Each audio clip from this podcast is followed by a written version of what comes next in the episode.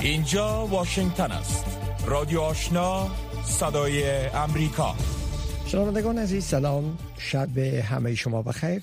حفیظ آصفی هستم و خوشحال هستم با تقدیم برنامه خبری ساعت رادیو آشنا صدای امریکا با شما هستم. رویا زمانی در سرآغاز برنامه تازه ترین خبرهای افغانستان منطقه و جهان تقدیم می‌کنه. با تقدیم سلام.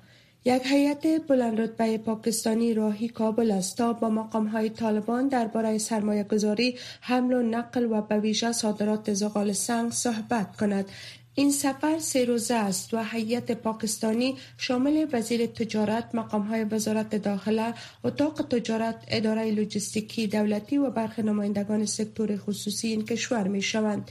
رسانه پاکستانی دان به نقل از مقام های بلند به این کشور نوشته است که این هیئت با مقام های طالبان در مورد انتقال دوامدار زغال سنگ به پاکستان گفتگو خواهد کرد. هرچند وزارت تجارت پاکستان دیروز یک شنبه در یک خبرنامه این سفر را ادامه روابط دو جانبه افغانستان و پاکستان در زمینه های تجارت ترانزیت اتصال و همکاری های اقتصادی خواند اما به نظر می رسد تمرکز اصلی این سفر بر رفع موانع باشد که در برابر صادرات زغال سنگ به پاکستان وجود دارد. پاکستان می خواهد درای تجارتی 24 ساعته میان افغانستان و پاکستان را باز کند. تا آنان بتوانند به راحتی و بدون هیچ مانع و تاخیر زغال سنگ را از افغانستان وارد کنند. از سوی دیگر مقام های طالبان مالیات بر صادرات زغال سنگ را افزایش دادند که پاکستان در تلاش است تا آن را کاهش دهد. جبهه مقاومت ملی افغانستان از دفع حملات طالبان در بخشهای دره اندراب ولایت بغلان خبر داده است. اما مقام های محلی طالبان هر گونه درگیری در این دره را رد کردند. سبقت الله احمدی سخنگوی این جبهه امروز دوشنبه در صفحه تویترش نگاشته است که طالبان از دیروز به این سو حملات شدید را بر سنگرهای نیروهای مقاومت در دره جر و قاسان اندراب را اندازی کردند. اما با شکست سنگین روبرو شدند. آقای احمدی ادعا کرد که در این درگیری ها تن از افراد مربوط به قطعات بدری و عمری طالبان کشته شدند. سخنگوی جبهه مقاومت مدعی شد که محمد یعقوب مجاهد سرپرست وزارت دفاع حکومت طالبان رهبری این جنگ را بر عهده داشت که پس از شکست سنگین دوباره به کابل برگشته است. و افزوده است در چند روز اخیر در پنشیر خوست و بغلان نیز تلفات زیادی به اشغالگران طالبان وارد شده و روحیه جنگی دشمن از هم پاشیده است. اما اسدالله مصطفی هاشمی رئیس اطلاعات و فرهنگ طالبان برای بغلان هر گونه درگیری در ولسوالی های سه‌گانه دره اندراب را رد کرده و به صدای امریکا گفته است که هیچ نیروی مخالف در این دره وجود ندارد. خبرهای جهان را از رادیو آشنا می‌شنوید اورسولا فون در لاین رئیس کمیسیون اروپایی امروز شنبه به باکو پایتخت آذربایجان سفر می کند. اتحادیه اروپا در تلاش برای کاهش اتکا به انرژی روسیه می‌خواهد که واردات گاز را از آذربایجان افزایش دهد.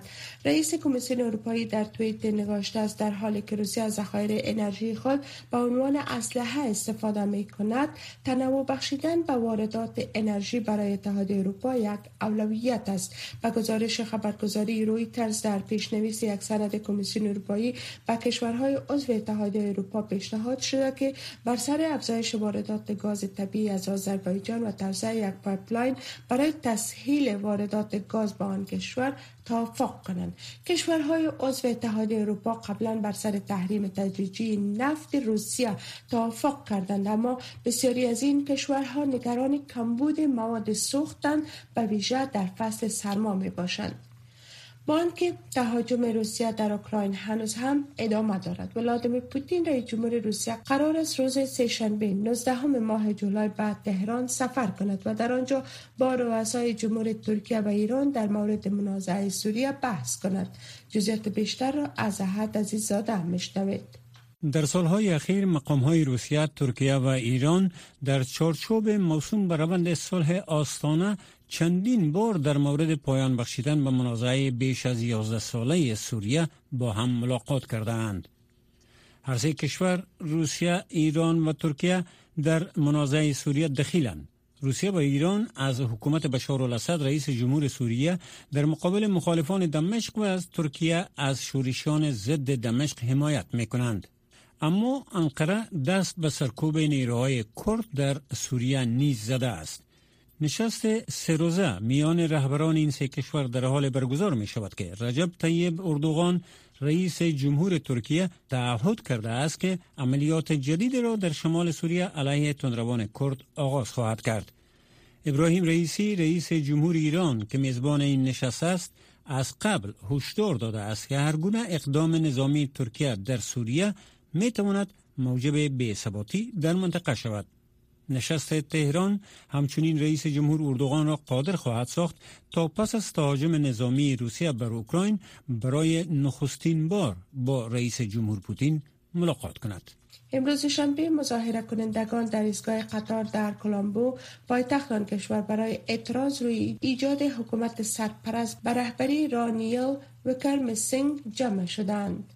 رانیل من حیث رئیس جمهور موقت رهبری را بعد از آن به دست گرفت که رئیس جمهور سابق روز چهارشنبه هفته گذشته از مقامش استعفا داد و سریلانکا را ترک گفت. این اعتراض در حال در کلمبو صورت گرفت که ویکر میسنگ حالت اضطراری را در کشور اعلام کرد تا عملکرد لازم برای تامین امنیت مردم با وقوع تظاهرات و شورش ها صورت گیرد انتظار می رود فردا شنبه کاندیدان برای انتخاب ریاست جمهوری سریلانکا به پارلمان آن کشور معرفی شوند و پروسه رایگیری روی آن به روز چهارشنبه اتخاذ گردد. قرار است هیئت منصفه امریکا امروز شنبه محکمه استی بانن مشاور رئیس جمهور پیشین ایالات متحده را آغاز کند که او از ماها به این سو از همکاری با کمیته مجلس نمایندگان امتناع میورزید. این مقام اداره ترامپ به اتهام اقدام جنایی در حمله ششم جنوری سال 2021 بر کنگره ایالات متحده تحت پیگرد قرار دارد. بنن در محکمه فدرال واشنگتن به دلیل سرپیچی از احضاریه کمیته ششم جنوری خواسته شده است. محکمه همچنان فعالیت های آقای بنن را از نهم جولای به این سو نیز دنبال کرده است. از یک هفته به این سو استراتژیست سابق قصر سفید به کمیته اطلاع داده که او در حال حاضر مایل به گواهی است. فرانسه تیاره های آب پاش بیشتر و صدها کارمند اطفایه را برای مقابله با گسترش آتش سوزی ها افزایش داده است که امروز دوشنبه بادهای داغ بر این آتش سوزی ها افزوده است. این در حالی است که موج گرمای سوزان بخش اعظم اروپا را در خود پیچیده است. گزارش ها می رساند که از اثر آتش سوزی در اسپانیا تن تا حال جان باختند. با تغییر جهت بادها مقام ها در جنوب غرب فرانسه اعلام کردند که قصد دارند شهرهای بیشتری را تخلیه کنند و 3500 نفر در معرض خطر را نیز نقل مکان دهند. وزارت داخله فرانسه خبر داده است که بیش از 200 نیروی کمکی نیز به نیروی 1500 کارمند اطفایه افزوده شده است تا شعله های آتش را مهار کنند. همچنان در اسپانیا بیش از سی آتش سوزی جنگلات هزاران نفر را مجبور ساخته است تا مناطق خود را ترک کنند. و مقام های ارشد حدود چل کشور در برلین در مورد چگونگی تمرکز بر مذاکرات با تغییرات اقلیمی نشست مهمه را برگزار می کنند این در حالی است که جهان بعد از سقوط اقتصادی ناشی از همگیری ویروس کرونا و جنگ در اوکراین با مشکلات متعدد مواجه هستند. سازمان دهندگان این گرد همایی دو را در برلین به عنوان فرصت برای بازسازی اعتماد بین کشورهای ثروتمند و فقیر پیش از نشست اقلیمی امسال سازمان ملل متحد در مصر میپندارند که قرار است که در ماه نوامبر سال جاری برگزار شود. مذاکرات فنی ماه گذشته پیشرفت اندک در مورد مسائل کلیدی مانند کمک های اقلیمی برای کشورهای در حال انکشاف به همراه داشت. جنفر مورگن فرستاده آلمان در بخش اقلیم به اسوسییتد پرس گفت که کشورهای ثروتمند باید همبستگی بیشتر را به سوی کشورهای فقیر نشان دهند که در حال حاضر از تاثیرات تغییرات اقلیمی رنج می‌برند. شنونده های محترم این بود. مشروع خبرها تا این لحظه که تقدیم شما شد.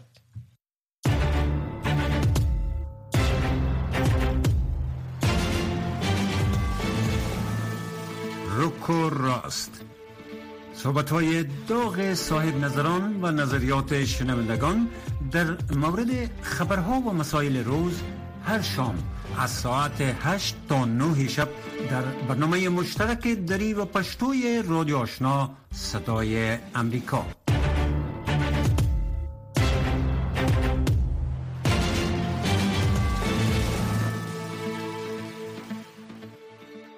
خبرهای افغانستان منطقه و جهان از رادیو آشنا صدای امریکا شنیدین حال هم گزارش هایی برنامه حکومت پاکستان با فرستادن هیئت به افغانستان می‌خواهد که با مقام های طالبان در مورد مسائل تجارتی، ترانزیتی و صادرات زغال سنگ افغانستان به او کشور مذاکره کنند.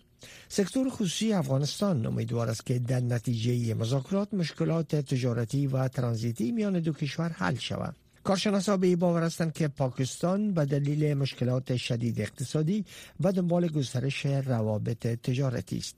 جزیات بیشتر در این گزارش نورالدین عزیزی سرپرست وزارت صنعت و تجارت حکومت طالبان به تلویزیون یک گفته است که با هیئت پاکستانی در مورد قرارداد تجارت و ترانزیت میان افغانستان و پاکستان ترانسپورت تجارتی در داخل دو کشور تجارت مرزی بین دو کشور و مسئله صادرات زغال سنگ افغانستان به پاکستان صحبت خواهد شد آقای عزیزی افسود. مذاکرات هم ما دارن و با امید از است که انشالله موضوعات خوبی بحث شود و به نفع هر دو کشور باشه.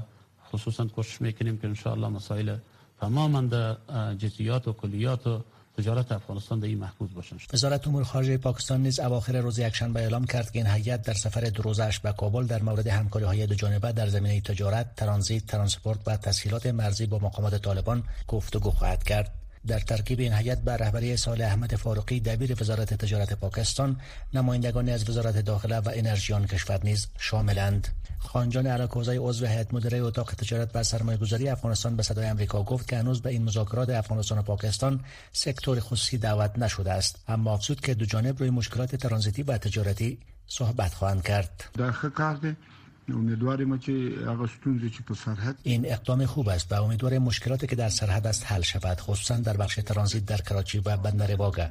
و همچنان زمان صادرات میوه ماست. در این زمینه همکاری شود تا اموال ما متوقف نشود و به آسانی وارد پاکستان گردد. ایسا رضایی استاد اقتصاد گفت که عوامل چون انباشت قروض 100 میلیارد دلاری از چین، عربستان و برخی سازمان‌های مالی جهان، کاهش صادرات و کمبود ارز خارجی به ویژه دلار در بازارهای پاکستان حکومت آن کشور را واداشته است که زمینه گسترش تجارت و صادراتش را به آسیای میانه بیشتر سازد. آقای رضایی افسود در این مسیر افغانستان حیثیت ترانزیتی را برای پاکستان دارد و در این حال بازار افغانستان هم یک بازار 5 میلیاردی تجاری هست. می‌تونه از این مزیت هم استفاده بکنه برای اقتصاد پاکستان. تا صادرات خود به افغانستان افزایش بده. همچنان آقای رضایی گفت که پاکستان بخش اعظم ارز خارجی را برای واردات انرژی از قبیل زغال سنگ و برق از دست می‌داد. حالا تصمیم گرفته صرفه‌جویی کند و بخش زیاد انرژی مورد ضرورت خود را با استفاده از منابع غنی افغانستان که بسیار ارزانتر است در داخل پاکستان تولید کند. هرچند گفته می شود که هیئت پاکستانی با مقامات وزارت معادن و پترولیم طالبان نیز در مورد زغال سنگ گفتگو خواهند کرد. اما مفتی اسمت الله برهان سخنگوی وزارت معادن و پترولیم طالبان امروز به صدای آمریکا گفت که بحث در مورد کاهش قیمت زغال سنگ در دستور کار نیست. آقای برهان گفت که نرخ یک تن زغال سنگ صادراتی افغانستان چهار سال قبل 90 دلار تعیین شده بود اما وزارت مالیه آن را امسال بلند برد. مالیه وزارت هر تن که قیمت آن اکنون 200 دلار در سیستم گمرکات وزارت مالیه تعیین شده از آن 30 درصد گمرک می‌گیرد. 30 درصد تقریبا 60 دلار می شود طارق فرهادی مشاور پیشین رئیس جمهوری افغانستان گفت که برای استخراج مادن افغانستان لازم است که قانون تدوین شود حکومت مشروعیت به دست آورد و مادن در سطح بازار جهانی به مزایده گذاشته شود. چون ممکن برخی کشورها با قیمت بالاتر خریدار باشند.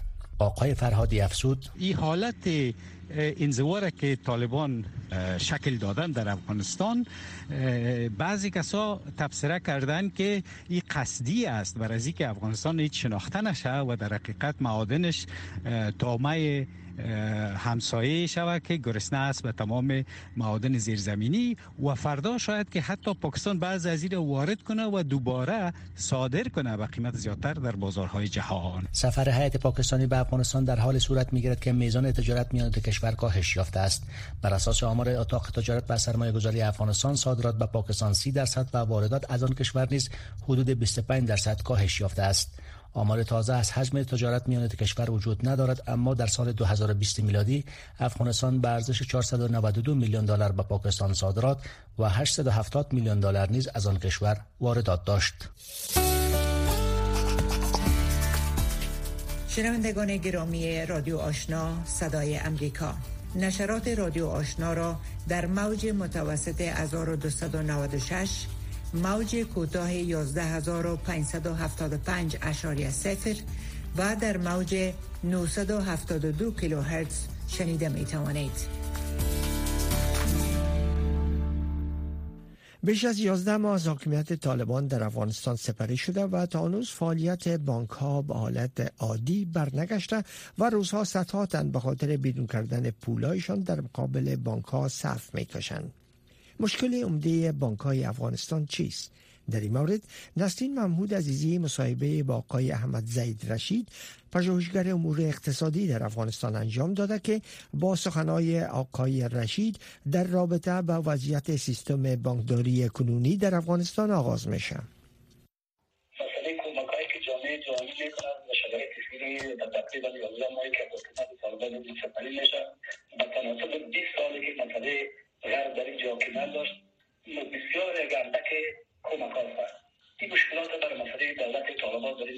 کرده به این مفهوم که تمام مسئله سرمایه بود پولی که بود در دورانی که مسئله پیش از این حاکمیت طالبان در اینجا مستقر شود. این کسایی که مسئله پول و سرمایه داشتن و در بانکها مسئله حسابات داشتن برای خود انتقال کردن. یا خود مسئله دولت طالبان را به یک عدم فعالیت نکنندگی چه مواجه کردن. این مشکل مشکل مسئله خود طالبان در شرایط فعلی نیست به خاطر از اینکه کمکایی که به ما اندازه در بازار ثابت می‌شد به اون تناسب 5 یا 4 درصد زیاد نمیشه واقعا کمک های صورت آمریکا تقریبا در حدود ماهی که در یک ماه در حدود میلیون یا 40 میلیون این چیز هست که در مورد برابر افغانستان و حساب مصرفاتش متوجه خود اقتصاد مملکت رو بر رکود هست مسئله انفلاسیون بسط شدید از اینجا بیداد می‌کنه این خیلی مشکل است که اینا بتونن این مشکل پرابلم حل بکنن مشکل عمده بانک افغانستان برای برگشتن به حالت عادی چه خواهد بود؟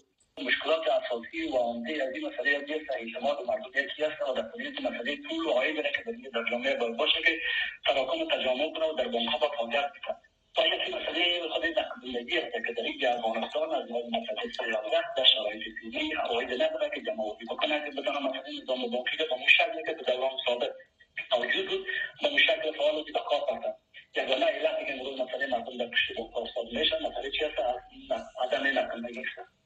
که دولت طالبان توانایی قدرت پذیری ندارن نظر بزنی که مسئله مدر مسئله خود بحران اقتصادی هست و توجیه مسئله تعلیم های هست نظام بانکی قید هست. و وجود مسئله در میلیارد دلار مسئله خود ذخایر ارضی افغانستان که بود امروز در مسئله پیش کنه قید هست این مشکلات آشیابی میشه که اینا نکنن که با صورت درست بکنن. بانک با فعالیت رو شما از اعتماد بانکی یاد کردید. آیا در حال حاضر مردم افغانستان به بانک های او کشور اعتماد دارند این تقریبا در حدود سه مرتبه در ظرف از سال افتادیت بیتر که مسئله بانک ها از اعتماد خود در بین مردم از بین وقتی که مسئله سال 1371 مجاهدین در افغانستان آمدن این هم هم حالت مستقر شد.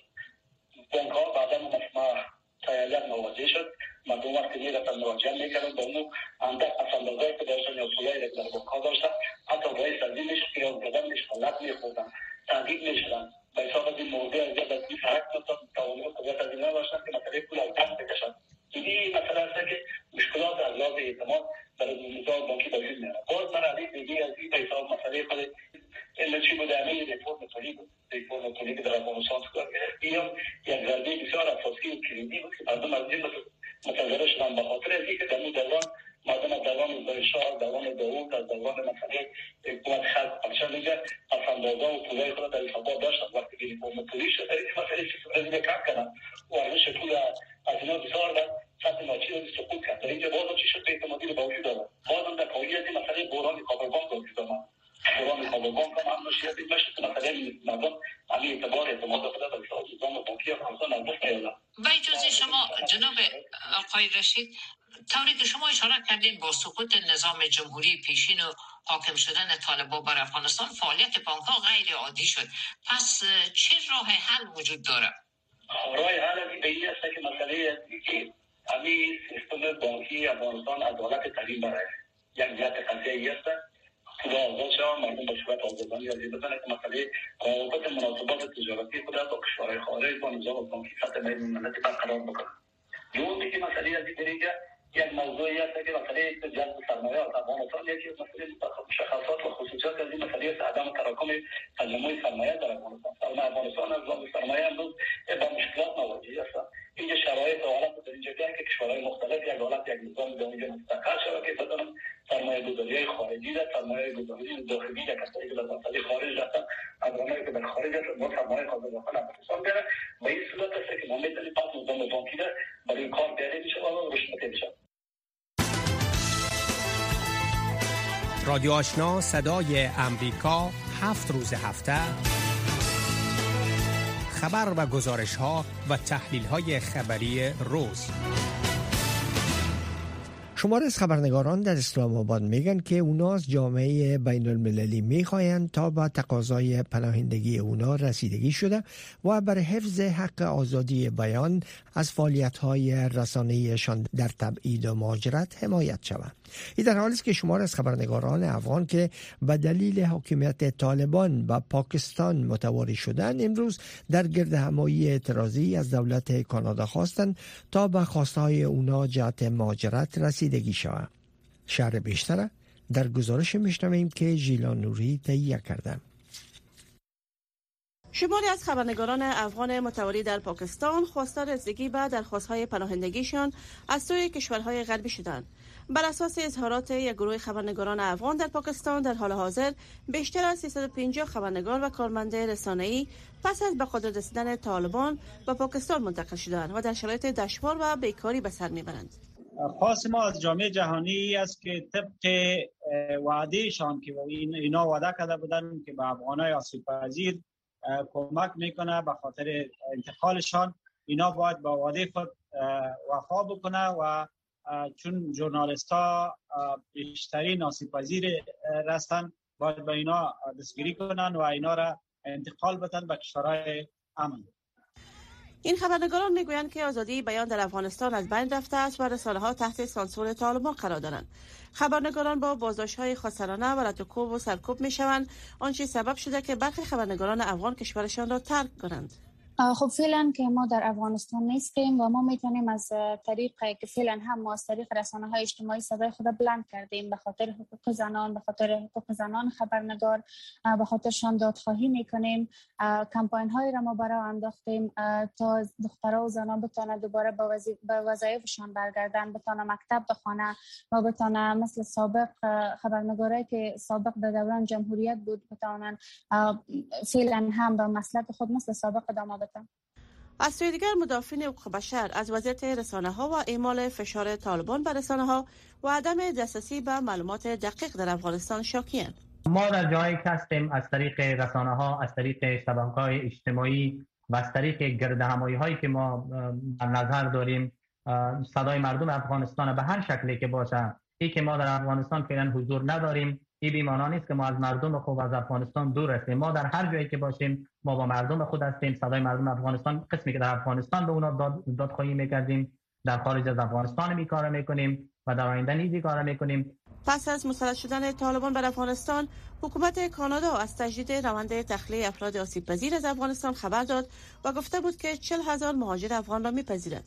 خبرنگاران متعرض در پاکستان با نشر قطعنامه از حکومت کانادا خواستند تا با توجه به قوانین بشردوستانه هر چه زودتر زمینه انتقال آنها را از پاکستان فراهم سازد. در پنج ماهی که ما در پاکستان آمدیم کدام حمایتی را ما مستقیما ندیدیم به خبرنگاران بیچاره ما اینجا صورت بگیره با یک تعداد خبرنگارا متاسفانه من 20 سال میشه در افغانستان در رسانه کار می‌کنم قبلا هم گفتم که من مؤسسی چندین رسانه هستم. یک تعداد خبرنگارای نمی‌شناسم. باز کمپانی ها هست به نام جی چار و کمپانی های دیگه که نامش فراموش کرده اونا رو تحت پوشش خود گرفته حمایت می‌کنه حمایت مالی می‌کنه جای برشان گرفته پول نقد برشان کمک می‌کنه. ولی معلوم نیست که اون خبرنگار کجا بوده. اداره مهاجرت و پناهندگی و شهروندی کانادا در ماه گذشته حدود 313 مهاجر افغان را به کانادا منتقل ساخته است. این اداره ادعا دارد که تلاش های کانادا برای انتقال افراد آسیب پذیر افغان ادامه دارد. اما خبرنگاران معترض در اسلام آباد با انتقاد از دولت کانادا گفتند که این کشور تاکنون هیچ اقدام مشخصی برای تخلیه خبرنگاران در معرض خطر روی دست نگرفته است.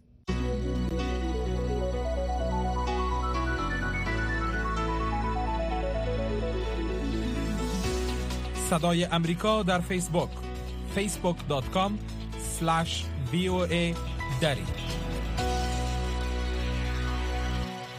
مرکز کنترل امراض در ایالات متحده امریکا هشدار میده که با افزایش واقعات کووید 19 در سراسر کشور بسیاری از امریکایی ها تا حال در برابر ای ویروس واکسین نشدند و در معرض پیامدهای جدی ای بیماری قرار دارند. برخی از کارشناسان میگن که بیشترین واقعات نوع اومیکرون ویروس کرونا تشکیل میده ولی اونا گفتن که یک نوع جدید واکسین که اخیرا تایید شده ممکن در تقویت سیستم معافیت بدن کمک کنه گزارش صدای امریکا را در این مورد از سید عزیز الرحمن میشنویم لس آنجلس پر جمعیت ترین شهر ایالات متحده ای امریکا با دلیل افزایش واقعات کووید 19 ممکن دوباره شاهد اجباری شدن پوشیدن ماسک باشد. جمعیت لس آنجلس به بیش از ده میلیون نفر می رسد و مقام های صحی در این شهر می گویند اگر بستری شدن بیماران مبتلا به کرونا ویروس ادامه داشته باشد باشندگان آن با قیود پوشیدن ماسک در داخل مکانها روبرو می باشد. دکتر اشیش جها عضو بورد قصر سفید برای رسیدگی به کووید 19 می‌گوید که تصمیم در مورد از سرگیری این قیودات با مقام های محلی ربط می گیرد. لایه ها، شهرها و ایالت ها باید در مورد قواعد مرتبط به ماسک تصمیم بگیرند زیرا هر منطقه متفاوت است و چگونگی سرایت ویروس نیز در آنها فرق می کند. با در نظر داشت این نکته رهنمود اداره کنترل امراض نیز بسیار واضح است و بر اساس آن اگر شما در ساحه آسیب پذیر زندگی می کنید و مانند لس آنجلس پوشیدن ماسک در داخل مکانها بسیار مهم است و واقعا که تأثیر گذار می باشد. هفته گذشته اداره غذا و داروی ایالات متحده تطبیق نوع نوواوکس واکسین کرونا را در واقعات عاجل اجازه داد. برخلاف سایر واکسین های کرونا که از نوع mRNA اند نوواوکس یک واکسین بیشتر سنتی بوده و در عوض آن که حجرات را به چگونگی تولید پروتین معافیتی تشویق کند خود واکسین مستقیما سبب تولید معافیت می شود شیرون بندلی یک تن از باشندگان ایالت تکساس که قبلا در مورد تطبیق واکسین کرونا متردد بود نوواوکس نظرش را عوض کرده است. یگانه واکسینی که واقعا با توجه به پروتین ساخته شده نوواوکس است. یه چیزی بود که می‌خواستم در او سهم داشته باشم. در حالی که نوواوکس یک گزینه جدید را برای آنان ایجاد می کند که در تطبیق واکسین مترددند دکتر اشیش می گوید که معافیت بدن بسیاری از امریکایی ها در برابر کووید 19 در حال کاهش بوده و مردم را برای تطبیق دوز تقویتی تشویق می کند.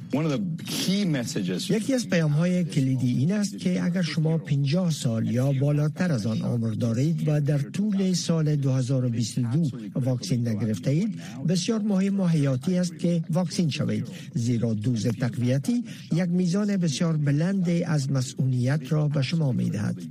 مقام های صحی ایالات متحده هشدار داده اند که نوع اومیکرون بی ای 5 کرونا نسبت به انواع قبلی این ویروس بیشتر ساری بوده و این توانایی را دارد که حتی افرادی را که در اثر ابتلا به کرونا معافیت قبلی حاصل کرده بودند دوباره مصاب بسازد. رادیو آشنا صدای امریکا منبع موثق خبرها و گزارش های جهان و افغانستان